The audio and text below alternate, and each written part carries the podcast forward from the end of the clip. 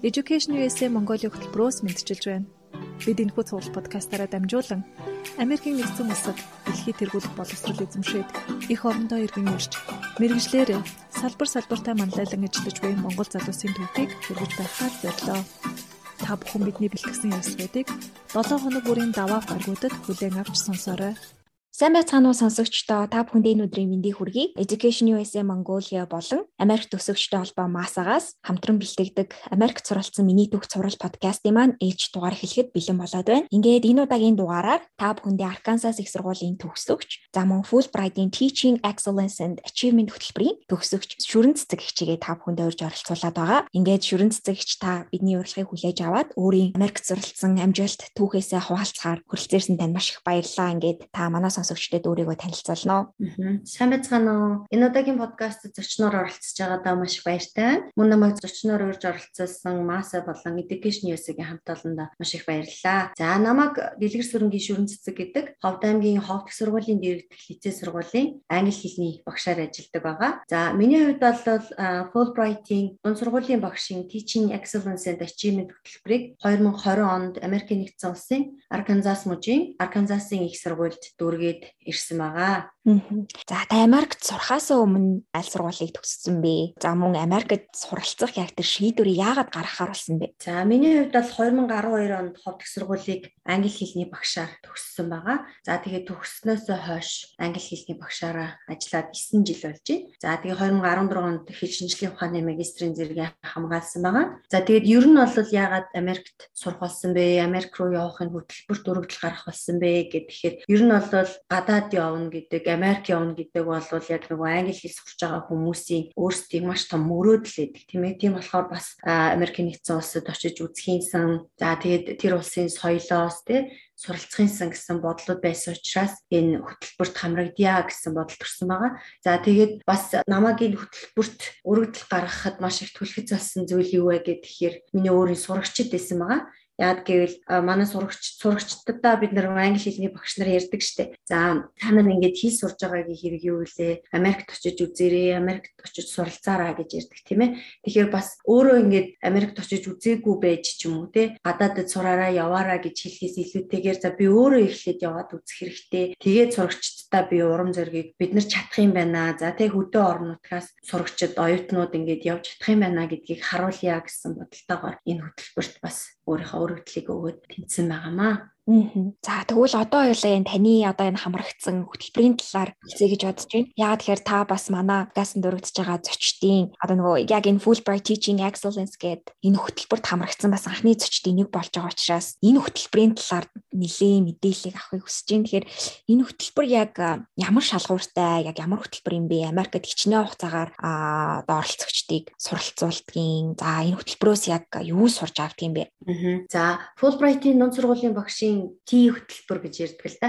За энэ хөтөлбөр маань болохоор дунд сургуулийн англи хэлний, нийгмийн ухааны болон математикийн бусад шинжлэх ухааны багш нарт зориулсан 5-аас 6-7 хоногийн Америкийн нэгдсэн улсад явуулж туршлага судлуулдаг юм хөтөлбөр байгаа. За тэгээд жилдээ ер нь бол 2 удаагийн кохортоор багш нарыг явуулдаг. За нэг нь болохоор хавар, нэг бол намар гэсэн юм сонголттойгоор явдаг байгаа. За ер нь бол Монголоос жилдээ 2-5 багш хамрагдах юм тоотой байдаг. За ер нь бол зорилго нь бол багш нарт Америкийн нэгдсэн улсад мэрэгжил дээшлүүлэх, туршлага солилцох, за тэгээд Америкийн нэгдсэн улсын талаар мэдлэгийг нэмэгдүүлэх, за тэдний заах арга зүй, хичээлийн төлөвлөгөө, за сургалтын стратеги, багш нарын манлайлал тий. Аа тэгээд мөн сургалтын шин технологи суралцах. За тэгээд мөн Америк багш оюутнуудтай ахлах сургууль дээр дадлаг хийж туршлага хоригдлуулахын боломжийг олгодог 45 хоногийн юм хөтөлбөр байгаа юм. За тэгээд ерөнхийдөө бол тухайн хөтөлбөр маань 100% тэтгэлэгт хөтөлбөр байгаа. За тэгээд энэ 100% тэтгэлэгт маань юу юу орох вэ гэхээр тээврийн бүх зардал нь орно. За та одоо өөрийн байгаа хотоосоо тий өөрийн амьдарч байгаа газраасаа Америкийн тухайн хоттой очиод суралцаад буцаад ирэх бүх зардлуудыг даатдаг байгаа. За тэгээд олон улсын дотоодын аялал, за тэгээд TOEFL-ийн шалгалт өгдөг. За тэр TOEFL-ийн шалгалтад ирж очих зардал, за визтэй холбоотой аяллаа зардлууд. За тэгээд мөн юу нэмэгдэх идэх үү гэхээр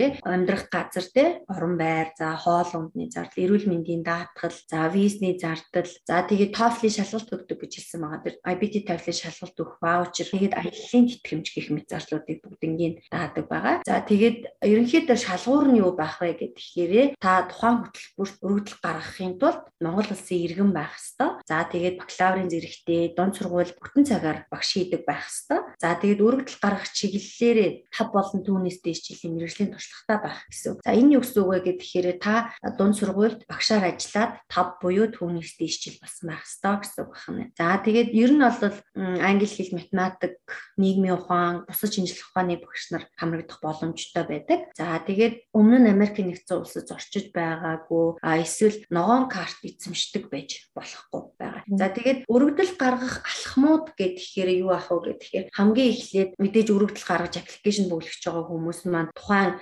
хөтөлбөрийнхөө талаар мэдээллийг авах хэрэгтэй байдаг тийм ээ хугацаагаа тодорхойлох хэрэгтэй. За тэгээд хугацаагаа тодорхойлгоод яг энэ T програм нь IREX гэд онлайн сайт дээр аппликейшн авдаг байгаа. За тэгээд IREX онлайн сайтта аппликейшнээ эхлүүлээд асуултуудаа сайхан хараад бэлтгэж явж байгаа. Ер нь бол хугацаагаа маш сайн төлөвлөөд за тэгээд яг дуус хугацаа дедлайнд нь тулахгүйгээр эрт аппликейшнээ бүглэх нь маш чухал байдаг. За тэгээд хөтөлбөрийн талаарх мэдээллүүдээ маш сайн авсан байх хэрэгтэй. За тэгээд ер нь бол өргөдөл гаргах алхам нь бол эхлээд IREX дээр аппликейшнээ бүглэх нь байна. За дараа нь байгууллагын дэмжлэг үзүүлэх бичиг буюу ISRF гэдгийг авдаг байгаа. Энэ нь бол өөрийнхөө ажиллаж байгаа байгууллага эсвэл таныг өөрийг чинь удирдах ажилладаг ийм байгууллагаас авдаг бичиг байгаа. За institutional support reference form гэдэг байгаа. За тэгээд мөн таны хичээл заадаг сургалтын төлөвлөгөө эсвэл нөгөө хичээлийн хуваарийг ажлын цагийн хуваарийг бас асуудаг байгаа. За тэгээд тухайн үед та аппликейшн бүгэлж явах хэвчээ TOEFL-ийн оноотой байж болно. А гэхдээ заавал гэж шаарддаггүй. Яагаад гэвэл та эхлээд аппликейшн бүглөөд тэнцэх юм бол дараа нь ярилцлаганд ордог. Ярилцлаганд ороод тэнцсэний ард танаас TOEFL-ийн шалгалт өгөхийг шаарддаг байгаа. Тийм учраас та аппликейшн бүглэх хугацаанд TOEFL-ийн оноогүй байж болдог байгаа. За тэгээд өргөдөл нэмэлт материалуудыг зарласан хугацаанд нь сайхан ингээд илгээх хэрэгтэй байдаг. За энэ өргөдөл дээр бас юу ордгоо гэхээр institutional support reference form орно. За тэгээд leave approval form гэж байдаг. Leave approval form гэдэг нь болохоор таныг тухайн ажиллаж байгаа сургуулиас чинь те тухайн 45 хоногийн хугацаанд ингээд энэ хүнийг ингээд 45 хоног Америк нэгдсэн улс руу явуулахыг зөвшөөрж байна гэсэн таны удирдах албан тушаалтны энэ зөвшөөрлийн бичиг байгаа гэсэн үг байна. За тэгээд дээрэс нь нэмээд recommendation letter байгаа. Recommendation letter та бүхэн маань өөрийнхөө өөрийгөө хамгийн сайн мэддэг үнтэй эсвэл хамтарч ажиллаж исэн багш ч юм уу тэр хүнээсээ авч болдог байгаа. Өөрөө чинь удирдах ажиллаж исэн хүн байж болдог. За ингээд өргөдлөө гаргалаа. Өргөдлөө гаргаад хүлээх хэрэгтэй болсон тийм ээ. Өргөдлийн маягтаа бөглөөд сонгон шалгаруулалтын дараал нь ямар дараалалаар явах уу гэхээр өргөдлөө өгсөний дараа хариу ирнэ. За та ингээд нэгдүгээр шатанда тэнцлээ ярилцлаганд ороорой гэсэн юм урилга ирдэг байгаа. За тухайн урилгынхаа дагуу та ярилцлаганд орно. За тэгээд 6 сар гэхэд Монгол улс дотроо шалгаруулалт хийгдээд за тэгээд та хэрвээ Монголоос шалгарсан байх юм бол TOEFL-ийн шалгалтаа өгдөг байгаа. TOEFL-ийн шалгалтын оноо маань өмнө таны бүгэлсэн аппликейшнтэй хамт олон улсын шалгаруулалтанд явдаг байгаа. За олон улсын шалгаруулалт нь яадаг уу гэхээр Вашингтонд үндсэн том оффист нь болохоор шалгаруулалт хийгдэн. Тэгээд 9 сар танд яг эцсийн хариу ирдэг байгаа. За та үнэхээр яг одоо ингээд манай бүх шалгуурыг хангаад teaching excellence and achievement хөтөлбөрт хамрагдахаар боллоо гэсэн хариу маань 9 сард ирдгээ гэсэн. За бид нэр өргөдлөө бүр 1 сард бүгэлж байгаа тий. Тэгээд бүтэн 8 сар ингээд хүлээдэг байна. За тэгээд 9 сард яг тэнцлээ гэхээр эрүүл мэндийн бичиг бүглүүлж аавна. За эрүүл мэндийн бичиг бусад дагалдах бичиг баримтуудаа бүгэлж өгөөд 12 сард визний ярилцлаганд ороод 1 сарын ихээр orientation буюу явахынхаа өмнөх сургалтандаа хамрагдаад тэгээ визний ярилцлаганд ороод 1 сартаа явдаг байгаа.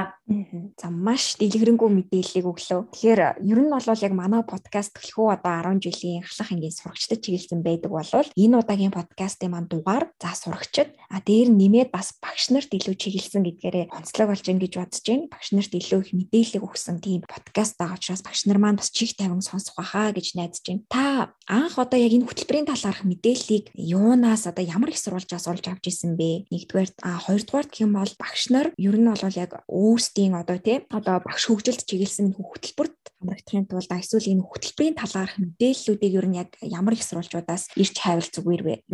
За энэ дээр болохоор манай 10 жилийн багш нар ер нь их сургуулийн багш нар гэлтгүү бүх багш нар маань ингээд гадаадын тэтгэлэг хөтөлбөрийн талаар мэдээлэл авъя. Ялангуяа Америкийн нэгдсэн улсад суралцъя гэж бодож байгаа бол Америкийн нэгдсэн улсын элчин сайдын яамны албан ёсны вебсайтаар байнга зочилж явах хэрэгтэй гэж би боддог. А мөн Facebook хуудас байгаа тий. Facebook хуудасуудаар дамжуулаад мэдээллүүдийг авах боломжтой. Миний хувьд бол 2018 онд анх энэ хөтөлбөрийн талаар сонсч ирсэн. За тэгээд 19 онд апплайдаад 20 онд явсан байгаа. За 2018 онд болохоор манай Ховд аймгаас Буянг шиг гээд багш маань энэ Teaching Excellence and Achievement хөтөлбөрт тэнцээд явж исэн. За тэгээд тэр багшийг хараад за энэ хөтөлбөрт бас би ингээд аппликейшн бөглөж болох юм байна. Ингээ хөдөө орон нутгаас бас хүмүүс тэнцдэг юм байна. Явж болох юм байна гэсэн ийм урам зоригийг аваад энэ хөтөлбөрт өргөдлөө өгсөн байгаа. За та сая нүгийн хөтөлбөрт хамрагдахын тулд тодорхой шаардлагууд байдаг. Тэр шаардлагуудыг дурдсан энэний нэгт болохоор нөгөө TOEFL IB дээр шалгалтууд өгөх ёстой гэдээ ярьж байсан. А хэдий та бас англи хэлний багш боловч яг энэ шалгалт энэ TOEFL яг ингээд бэлдэж явах яг тэр процесс яг ямар байсан бэ? Дээрээс нь энэ хэр хүндрэлтэй санагдчихсэн бэ? Мэдээж IBT TOEFL-ийн шалгалтыг өгнө гэдэг маань бас тийм амархан зүйл бас биш тийм ээ. Тэгэхээр бас нөгөө ажиллаж байгаа багш нарын хувьд бол өөртөө гаргах цаг зав маш бага байдаг. За тэгээ ажлын ачааллаа тэнцвэржүүлэхээс эхлүүлээд шалгалтанд бэлтгэхэд надад цагаа менеж хийх нь маш өндөрлөлтэй байдаг гэсэн. Тэгээд ер нь бол ингээд IBT TOEFL ч юм уу IELTS-ийн шалгалт өгч байгаа хүмүүс зөвлөж хэлэхэд бол цагаа маш сайн төлөвлөөд тогтмол баг багаар хийх хэрэгтэй юм байна гэдгийг ойлгосон. За тэгээд ер нь бол шалгалт өгөхийнхөө өмнө заавал нөгөө туршилтын тестүүдийг ажиллаж бүтэн тестүүд зүйлүүдийг ажиллаж үзэх хэрэгтэй шүү гэдгийг энэ дээр зөвлөмөр байна. За тэгээд цагаа сайхан төлөвлөөд өөрөө сайхан цоон байгуулалттай байх юм бол асуудал ер нь их гарахгүй. Гэхдээ ер нь бол энэ хөтөлбөрт ингээд анх өргөдөл өгөхдөө л та би ер нь энд ингээд дараа дараагийн шатанда тэнцэл IBT TOEFL өгөх юм байна гэж бодоод анханасаа өргөдөл өгөхөөсөө эхлүүлээд баг багаар ер нь цагаа хуваарлаад TOEFL шалгалтанда а тэгээд өөрийн нөгөө англи хэлний төвшингээ дээшлүүлэх чиглэлээр анхаарч явах хэрэгтэй шүү гэдгийг энэ дээр бас анхааруулж хэлмээр байна. Аа. Яг ингээд шаардлагыг хангах гад одоо материалуудаа бүрдүүлээ, шалгалтуудаа өгөөд ингээд явж байхад хамгийн их одоо сорилт ихтэй санагдчихсэн одоо шаардлага нь юу исэн бэ? Хөтөлбөрийн. За одоо хөтөлбөрийн шалгууруудыг хангана гэхээр ерөнхийдөө бол эсэний асуултуудад хариулах надад эхлээд хэцүүсэн. Яг гэвэл нөгөө 2018 онд би анх энэ хөтөлбөрийг сонссон гэж хэлжсэн тий. Тэгээд тэр үедээ аппликейшн бөглөхдөө би эсэнийхээ асуултууд дээр ингээд дахин дахин ингээд нөгөө нэг санаан дээрээ ингээд юу гадсан байхгүй. Санаа хоёр доод одоо би за би ингээд биччихвэл яах вэ гэд нэг бодчиход биччихээд хичээ за за энэ болохгүй байна. За өөрөөр нэг бичээд үзье гэх юм уу те. Тийм байдлаар ингээд нэг санаанаасаа ингээд бүр ингээд урваад исэн гэх юм уу. Тэгээд исэн болохоор надад тэр эсэн дээр төвлөрөхөд амар хэцүү байсан. Тэгээд хугацаа алдаад тэр жилдээ би аппликейшнээ бүгэлж чадаагүй. Тэр ер нь бол essay question байгаа. Essay question ер нь бол 4-5 асуулт байгаа. Тэр асуултуудаа хамгийн эхлээд сайхан хараад за би яг энэ энэ чиглэлүүдээр асуултанд хариулах юм байна. Тэр ингээ эхлээд санаагаа сайхан төлөвлөөд за би яг энийг л энэ дээр ингэж бичиж өгнө. За одоо жишээ нь те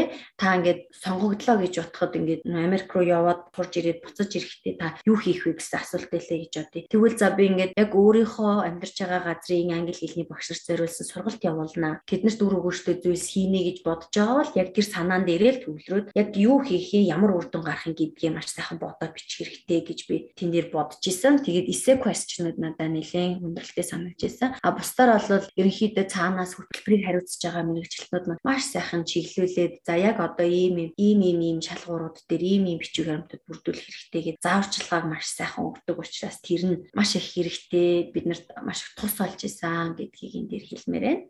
За тэгэхээр Fulbright-ийн хөө teaching excellence and achievement гэсэн хөтөлбөрийн талаар маш дэлгэрэнгүй сайн ойлголтыг авч чадлаа гэж бодож байна. Одоо ингээ хоёулаа таны Америкт очиод те Америкт очсон дээр дурсамжийг нэлээд сайн ярих гэж бодож байна. За анх Америкт очиод танд хэр санагдчихсэн бэ? Соёлын шокнд хэр орж исэн бэ? Дээрээс нь одоо яг энэ хөтөлбөрөөр Америкт очингууд яг хаана байрлаж исэн бэ? Host family байрлалгүй эсвэл та цаанаас нь эсвэл одоо accommodation-ыг хангаж өгдөг юм болов тэр талаар. Аа. За маш сайхан асуулт байна. Яг гэвэл би Америк явсан энэ дурсамжийнхаа талаар ярих амар дуртай. За анх Америкт очиход бол эхлээд тухайн сургууль таны очих байгаа сургуулийн юм хариуцах мэрэгчлэтнүүд таны хүлээж авна. За тэгээд онцны буудлын дээрээс таны хүлээж аваад бид нар болохоор ингээд сургууль сургуулаараа өөр байсан. Яг нэг хөтөлбөрт хамрагдаж байгаа хэрнээ таван өөр мужийн таван өөр их сургууль руу багш нар явж исэн учраас сургууль сургуулаараа үйл ажиллагаанууд нь за байрлах байрлал нь ч юм уу те өдрийн хоолой шийдэх асуудлууд нь бол өөр өөр байсан байгаа. За миний хувьд бол Арканзасын их сургууль дээр очсон. За тухайн сургууль маань маш сайхан онцлогтой сургууль. Яагаад гэвэл миний явсан энэ Fulbright гэдэг хөтөлбөр байна тийм ээ. Энэ хөтөлбөрийн одоо Fulbright гэдэг хүний нэрээр нэрлсэн юм хөтөлбөр байгаа шүү дээ тий. За тэр тухайн одоо Арканзасын их сургуулийн Arts and Science гэдэг сургууль байгаа. Тэр сургуулийг Fulbright-ийн нэрмжит сургууль болгосон байдаг. За тийм ч утгаараа гэх юм уу Fulbright-ийн хөтөлбөрийг бол олон жил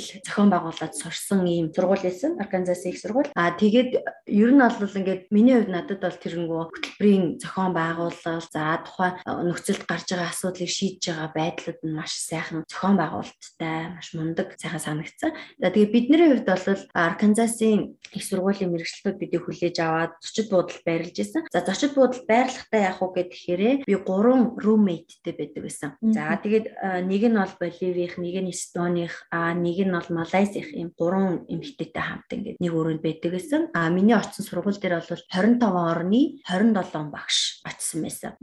А тэгээд ер нь бол бид дөрөв галтоогоо тэгээд зочны өрөөгөө дандаа хэрэгэлдэг. За тэгээд унтлахын өрөө бол ингээд хоёр хоёроо ингээд хамт байдаг юм байсан байгаа. За энийг ирэж тэрүүтэй ингээд ер нь бол хөтөлбөрт оролцоход надад бас ингээд олон найзуудтай болох те олон улсын багш нартай ингээд санал бодлоо солилцох олон зүйлийг суралцах юм боломжуудыг олгосон байсан. За тэгээд зочид буудалтай байрлал. За тэгээд ер нь бол тухайн зочид буудлаасаа өглөөний цайг нь өгдөг. За тэгээд өдөр нь бол бид нар бол яг Арканзасын их сургуулийн оюутан шиг л ингээд бүх карт, оюутны карт, үнэмлэх бүх юмтайгаа ингээд өдөр нь бол цайны газраараа үйлчлэх боломжтой картон уншуулад ингээд өдрөө хоолоо иддэг юм байсан. За тэгээд бүх зардлууд нь цаанаасаа дагнаа гэж хэлсэн байгаа тий. Тэгээд 7 хоногтоо ингээд тухайн газрынхаа тухайн амьдарч байгаа хотынхоо ингээд нөгөө өдрийн expense гэж байгаа шүү дээ. Зардлынх нь хэмжээгээр ингээд томилтын мөнгөийг биднэрт өгдөг байсан байгаа. Бага хэмжээний мөнгөг нь. За тэрийг та бол өөрийнхөө одоо нөгөө өдөр их сургууль дээр хоол идэхээс бусад үедээ өөртөө хэрэгтэй снак юм уу те орой хоолоо зохицуулахад тухайн мөнгийг хэрэгэлдэг байсан байгаа. За тэгээд ер нь бол бид нар host family-д байрлаагүй. Гэхдээ host family-тэй байсан байгаа. За тэр нь юу вэ гэхээр бид нөгөө host family нь болохоор биднэрт ингээд соёлын үйл ажиллагаануудад оролцох. За тэгээд мөн Америк найзуудтай болох те тэгээд тэр host family-тэйгээ хамт аялах. За тэгээд сайн дурын ажилд оролцох юм боломжуудыг олгосон ийм хөтөлбөр байсан байгаа. За тэгээд host family-тэйгээ хамт ойрын хотуудаар аялах. За тэгээд амтны хүрээлэн үзэх, сүмд зочлох те гэрээр нь зочлоод potluck гэдэг ингээд олон гэр бүлүүдтэй уулзах юм, танилын хүрээгээ тэлэх юм боломжуудыг олгож ирсэн. Ерөнхийдөө бол тухайн амьдарч байгаа газрынхаа community буюу нөгөө нийгэмд ингээд нийгэм шиг яг ямар онцлогтой газар юм бэ те тухайн газраа илүү сайн таньж мэдэх хүмүүстэй дотносох юм боломжуудыг олгосон ийм хөтөлбөр байсан байгаа. Тэгэхээр та сая хэллээ энэ хөтөлбөрт хамрагдсанаар маш олон зүйлийг суралцсан. Ингээд тэр 45 хоногийн хугацаанд та өөрийгөө сориод энэ хөтөлбөрт хамрагдаад Америкт очиод Америкийн соёлоо суралцаад эндээ явж байхад одоо эргээд харахад та а ер нь бол хувь хүнийхээ хувьд дээрээс нь одоо энэ хөтөлбөр таны одоо цаашдын ажил те одоо карьерс гэдэг ч юм уу ямар өөрчлөлтийг авчирсан бэ? Яаж нөлөөлсөн бэ? Хувь хүнийхээ хувьд та одоо хэрхэн өөрчлөгдсөн бэ? 45 хоног бол маш богино хугацаа. Гэхдээ одоо цагийн хуваар байгаа тий зохион байгуул маш өндөр зохион байгуулалтаа явагдаж байгаа. Маш олон одоо төлөвлөгөөтэй явагдаж байгаа. Тэгэхээр яг энэ 45 хоног тий таны одоо зүрх сэтгэл яаж одоо үлдсэн бэ? За яг тухайн 45 хоногийн хугацаа бол миний хувьд маш хурдан өнгөрсөн. За эхлээд очихоос ахуулаад ингээл огт өөр юм орчинд очиод тий зөндөө олон орны олон соёлтой нэг дор ингээд нүүр тулгаад уулзаад их надад маш их сонин содон байсан. За тэгээд ер нь бол ингээд Америк явахаас өмнө бол би ингээд хөдөө орон нутгийн сургуулийн багш нар те хөдөө орон нутгийн оюутнууд ингээд явах боломж нь их хомс байдаг гэсэн бодолтой байсан бол өөрөө тэнцээд ингээд яваад ирэхдээ ер нь бол боломж хааж идэх юм байна хүн өөрөө хичээх юм бол те боломжийг олж харах юм бол ийм боломжууд зөндөө байдаг юм байна гэдгийг би өөрөө олж харсан. Тэгээд ер нь бол ингээд миний өөрийн хувийн үзэл бодол ч гэх юм уу маш юм эерэг болсон байгаа. Тэгээд ер нь бол чадна дээ бид нар чадна дээ яагаад чадахгүй гэж гисэн ийм бодлоод надад амар сууж өгсөн. Тэгээд ер нь бол ингээд яваад ирсний арталт гарсан өөрчлөлт бас зөндөө байгаа. Яг гэвэл би өөрөө багш хүн тийм ээ. Тэгээд нөгөө 25 өөр орны 27 багштай хамт байлаа гэж ирсэн тийм. Тэр багш нартайгаа хамтарч хичээлээ биелдэх, хичээлдээ даалгавруудаа хийх тийм ингээд групп группээр ажиллах зэрэгээр ингээд тухайн багш нараас маш олон зүйлийг суралцсан байгаа. За тэгээд тэр олон багш нартай найз болсон энэ контактуудаа ашиглаад манай Арканзасын их сургууль хөтөлбөрт хамрагдсан багш нар маань traveling notebook буюу аялдаг ийм дэвтэр гэсэн үйл ажиллагааг явуулаад ингээд нэг орноос ингээд тэмдэглэлийн дэвтэр ингээ өөрийнхөө орны талаар онцлогуудыг бичсэн юм дэвтрийг аялуулаад олон орноор аялуулаад тийм төсөл хэрэгжүүлж байгаа. За тэгээд ер нь бол тухайн хаач очисон тийм ээ ямар ч хөтөлбөрт хамрагдсан өөртөө тийм хэрэгтэй зүйлсүүдийг за тэр тухайн хүмүүстэй маш сайхан нээлттэй байгаад хамтарч ажиллая гэсэн саналуудыг нь маш сайхан хүлээж аваад ингэх юм бол бас хөтөлбөр дууссан ч гэсэн энэ бол ингээд таны амьдралын туршид үргэлжлэх юм сайхан үр өгөөжөө гөхтэй амьдралынхаа туршид суралцах юм боломжуудыг олгодог юм байна гэдгийг мэдэж авсан. Тэгээд одоо ингээд 25 орны юм найзуудтай 25 өөр орны багш нартай тэгээд одоо үйл ажиллагаа явуулах ингээд ер нь бол сүүлийн үед онлайнаар хичээлүүдэд явуулаад тийм пандемиктэй хэцүү байгаа үед онлайнаар хичээл хичээлээ явуулж байгаа энэ үед бол бусад орны багш нартайгаа тий холбогдоод за та нар ингээд ямар аргуудыг хэрэгжилж чинь ямар вебсайтуудыг хэрэгжилж чинь ч юм уу эсвэл одоо ямар платформыг ашиглаж хичээлүүдээ явуулж байгаа вэ гэх мэт тийм туршлага солилцох юм дараа дараагийн боломжууд нь маш их гардаг. За тэгээд өөрийнхөө хичээлдээ тий англи хэлний багш учраас өөрийнхөө хичээлдээ тухайн багшийг урьж оролцуулаад сурагчтайгаа оюутнуудтайгаа англиар ярилцуулах ч юм уу юм боломжууд нь зөндөө их байдаг байгаа. Тэгэхээр тэр нь бол өөрсөнд чинь маш их өгөөжтэй надад бол одоо хүртэл юм үр өгөөж өгөөд явж байгаа ийм сайхан хөтөлбөр байгаа.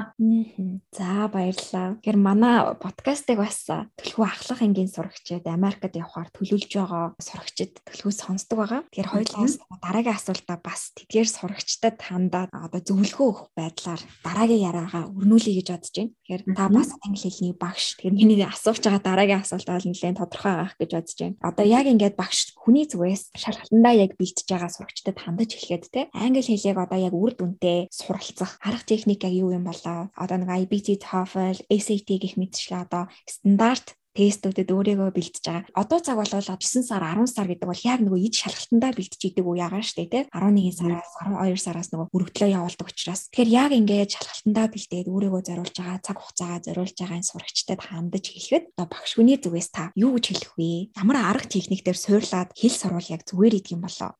За ер нь бол сурагчдаа би байн хэлдэг нэг үг байдаг. Юу вэ гэхээр ер нь бол альва зүйлийг сайн сурья гэвэл тухайн зүйлдээ сэтгэл гаргаж, цаг гаргаж өдөр бүр юм тогтмол баг багаар хийх нь ер нь үр дүнтэй шүү гэдгийг би сурагчтай хэлдэг байгаа. За түүнээс шиг ингээ хэл сурах байгаа хүн бол ялангуяа англи хэл сурах байгаа хүн бол ингээ 7 хоногт ганцхан удаа ч юм уу нэг англи хэлний даалгавар хийх төдийхнэр өнгөрөх юм бол та англи хэлдээ сайжирч чадахгүй. Тэгэхээр ер нь бол өдөр бүр цагаа маш сайхан төлөвлөлттэй байгаа. За өдөр болгон би 30 минутыг англи хэл хийхэд зарцуулна. Эсвэл нэг цагийг зарцуулна гэсэн юм төлөвлөлттэйгээр цаг гаргаж өөрийнхөө сэтгэл зүрхээ зориулж баг багаар ингээ гэж тогтмол хийдэг юм зуршилтай болсноороо хилээг ер нь сайн сурдаг юм болов уу гэсэн бодолтой байгаа. За тэгээд ер нь бол аливаа зүйлийг дадал олгох байгаа бол тий байн хийгээд тухайн зүйлдээ сурамгаа олохын тулд ер нь бол тогтмол цагийг зарцуулах, цагийн зөв менежменттэй байх гэдэг бол маш том зүйл байгаа. За тэгээд шалгалтанд бэлдэж байгаа одоо яг TOEFL-ийн шалгалт, SAT-ийн шалгалтад бэлдэж байгаа хүүхдүүдэд зориулж хэлэхэд бол тухайн шалгалтынхаа бүтцэн яг ямар байгаа юм те тэрийг маш сайхан мэдээд за нэг удаа ингээд mock test хийж үзээд за тэгээд яг би энэ дээрээ ингээд анхаарах хэрэгтэй байна гэдгийг мэдээд тухайн зүйлүүд дээр яг ингээд цагуудаа хуваарлаа тий одоо би reading task-ыг бол яг ихний хідэн өдөрт ингэж тэдэн reading хийж үзнэ оноогоо тэгж ахиулна гэх мэт зорилгоодыг тавиад хэрвээ чиний оноо ингээд агсан бол тий 7 хоног хийгээд reading хийгээд агсан бол өөрийгөө сайхан урамшуулдаг. За дараагийн удаа би ингэж ахих ёстой гэсэн зорилгоодыг тавиад урагшлуул их зүгээр юм болоо гэж боддог. Миний хувьд бол өөрөө нөгөө англи хэлийг сурахдаа 4 жил хэл сурсан. Нөгөө дунд сургуульд байхдаа би орс хэл заалгадаг байсан. Тэгээд орс хэл заалгаж агаад их сургуульд оронгуудаа англи хэл сураад зөвхөн мессеж бичдэг ийм оюутан л нэгдүгээр курстаа орж исэн гэсэн үг. Тэгээд юу ч мэдэхгүй нэгдүгээр курстаа ороод за одоо би хичээх хэрэгтэй. Миний хажууд байгаа оюутнууд их мундаг байна те. Энэ найзуудаасаа би суралцах хэрэгтэй гэд өөртөө маш том шаардлага тавиад ер нь бол ингээд тогтмол номын санд суугаад хичээлүүдэд бэлдээд за тэгээ нэгдүгээр курстаа маш их олон номыг англи дээр уншаад гээд хичээсэн байгаа. Тэгсний үндсэн дээр хавар нь бол нөгөө олон жил англи хэл үтсэн хүүхдүүдтэйгээ зэрэгцээд ингээд төвшингээ ахиулаад маш сайжирч чадсандаа баяртай байдаг. Тэгэхээр тэр бол ер нь тогтмол ингээд цаг хугацааг зориул зориулаад хийсний үр дүн баха. Ер нь бол хүн аливаа зүйлийг тогтмол хийх хэрэгтэй л гэдгийг би маш сайн захихыг хүсэж байна. Аа. За маш үнцэнтэй зөвлөгөө байна. Тэгээ өөрийнхөө туршлага дээр үндэслээд бас манай сурагчдад зөвлөгөө өгсөн танд маш их баярлалаа. Тэгээ хоёулынгийнх нь бас ярах хугацаа дуусж гин. Тэгээд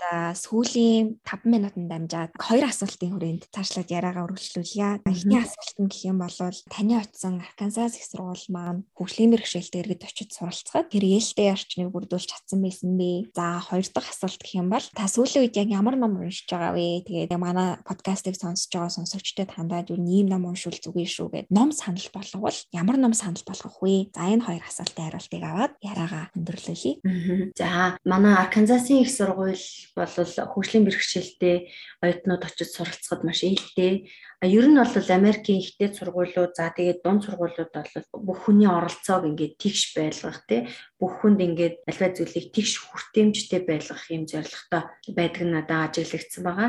За бид нар Арканзасын их сургууль дээр академик сургалтуудтай хамрагдахаас гадна гадаад оюутнуудын төв дээр бас нөгөө хэлний дадлагуудыг хийдэг байсан. За тэгээд дунд сургууль дээр 7 хоног дунд сургуулийн багшийг дагалдаад дадлага хийсэн байгаа. За тэгээд тэр сургуулиуд дээр ингээд зочлоод явж байхад бол ер нь тэрэгэнцэртэй ч юм уу тийм оюутнууд хаан чамаагүй ингээд зочиж очих боломжтой. Найлын өрөө за тэгээд ер нь бол бүх лекцийн заалууд бол ямар ч тийм босго гэж ярддаг те? Нөгөө модон тийм юм байхгүй. Ер нь бол ингээд бүх шалнууд нь бүгд юм тэгш гадаргуудаа ер нь бол бүх суралцагчдад ээлтэй юм орчныг бүрдүүлж өгсөн газрууд байдаг За тэгээд ер нь бол хөгжлийн бэрхшээлтэй оюутнууд очиж суралцах санаа зовхон байхгүй. Дэмжлэгүүд нь маш сайн байдаг байгаа. За тэгээд одоо офро бол надад мотивац өгдөг хүн байгаа. За тэгээд миний ерөөс яг ширээний ном бол миний сайн мэдих зүйлс гэдэг ном байгаа. За тэр номон дээр ер нь ингээд тухайн хүн өөрөө ингээд байгаа зүйлдээ маш сайхан сэтгэл хангалуун байх хэрэгтэй. Өөртөө байгаа зүйлдээ маш сайхан сэтгэл хангалуун байх хэрэгтэй. Өглөө босохдоо би ингээд өөрөө хөл дээрээ босч чадчихээн. Тэ би өөрөө нүдэрээ харж чадчихээн. Ийм болохоор би надад байгаа байгаа энэ зүйлстэй маш их талархаж гин гэсэн ийм талархалтай байдлаар амьдралд хандах хэрэгтэй гэдгийг тэр номноос сурж байгаа. Тэгээд ер нь бол ингээд хүн болгонд л шүү дээ. Ингээд нэг тийм сэтгэлээр гутрах үе байна те. Тэр үедээ бол би номоо гаргаж ирээл дахин дахин ийм унших дуртай ном маань тэр байгаа. Тэгээд ер нь бол байнга талдаг. За тэгээд өөрөө болохоор би ээж хүн байгаа. Одоо ингээ 3 дахь хүүхдээ ингээ болох гэж байна. За тэгээд сүүлийн үед бол ер нь хүүхдийн хүмүүжлийн чиглэлийн номнуудыг маш их сонирхож уншаад байгаа. За тэгээд Ана Бишковагийн Залхуу ээж номыг одоо уншиж байна. За тэгээд ер нь бол сурагчдад оюутнуудад зориулж хэлэхэд бол ер нь Becoming гэдэг ном байгаа тийм ээ. Becoming гэдэг номыг заавал унших хэрэгтэй. Офрагийн миний сайн мэдих зүйлс гэдэг номыг унших хэрэгтэй гэдгийг зөвлөмөр байна. Миний сайн мэдих зүйлс ном нь монгол хэл дээр орчуулагдсан ном байгаа юу те? Монгол хэл дээр орчуулагдсан ном байгаа. За тэгээд бас хэрвээ та нар маш сайн хайж чадах юм бол яг миний сайн мэдих зүйлс гэсэн ном дээр YouTube дээр бас нөгөө юм жижиг жижиг юм баг багаар хийсэн танилцуулга бичлэгүүд нь бас англиар байдаг байгаа. Тэрийг бас олж үзэж болно.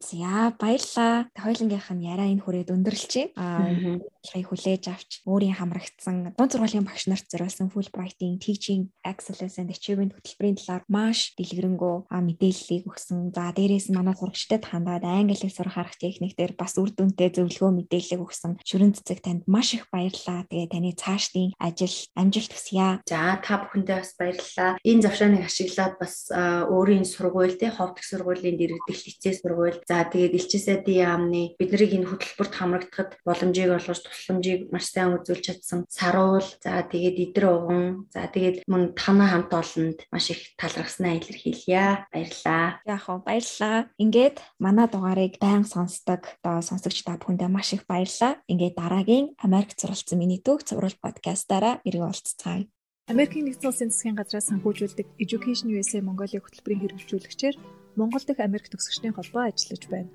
Та Америкт ихтэй сургалт хэрхэн суралцах тухай цогц үнэн зөв мэдээллийг үн төлбөргүй авахыг хүсвэл Education USA Mongolia хөтөлбөрийн боловсролын зөвлөгөөдөд хандаарай. Бидэнтэй холбогдох хүсвэл www.masa.org цэгийн цахим хуудасаар хандж болохоос гадна Facebook, Twitter, Instagram дээр Education USA Mongolia дагаарай. Ирэх даваа гарагт иргэн уулзлаа түр баяртай.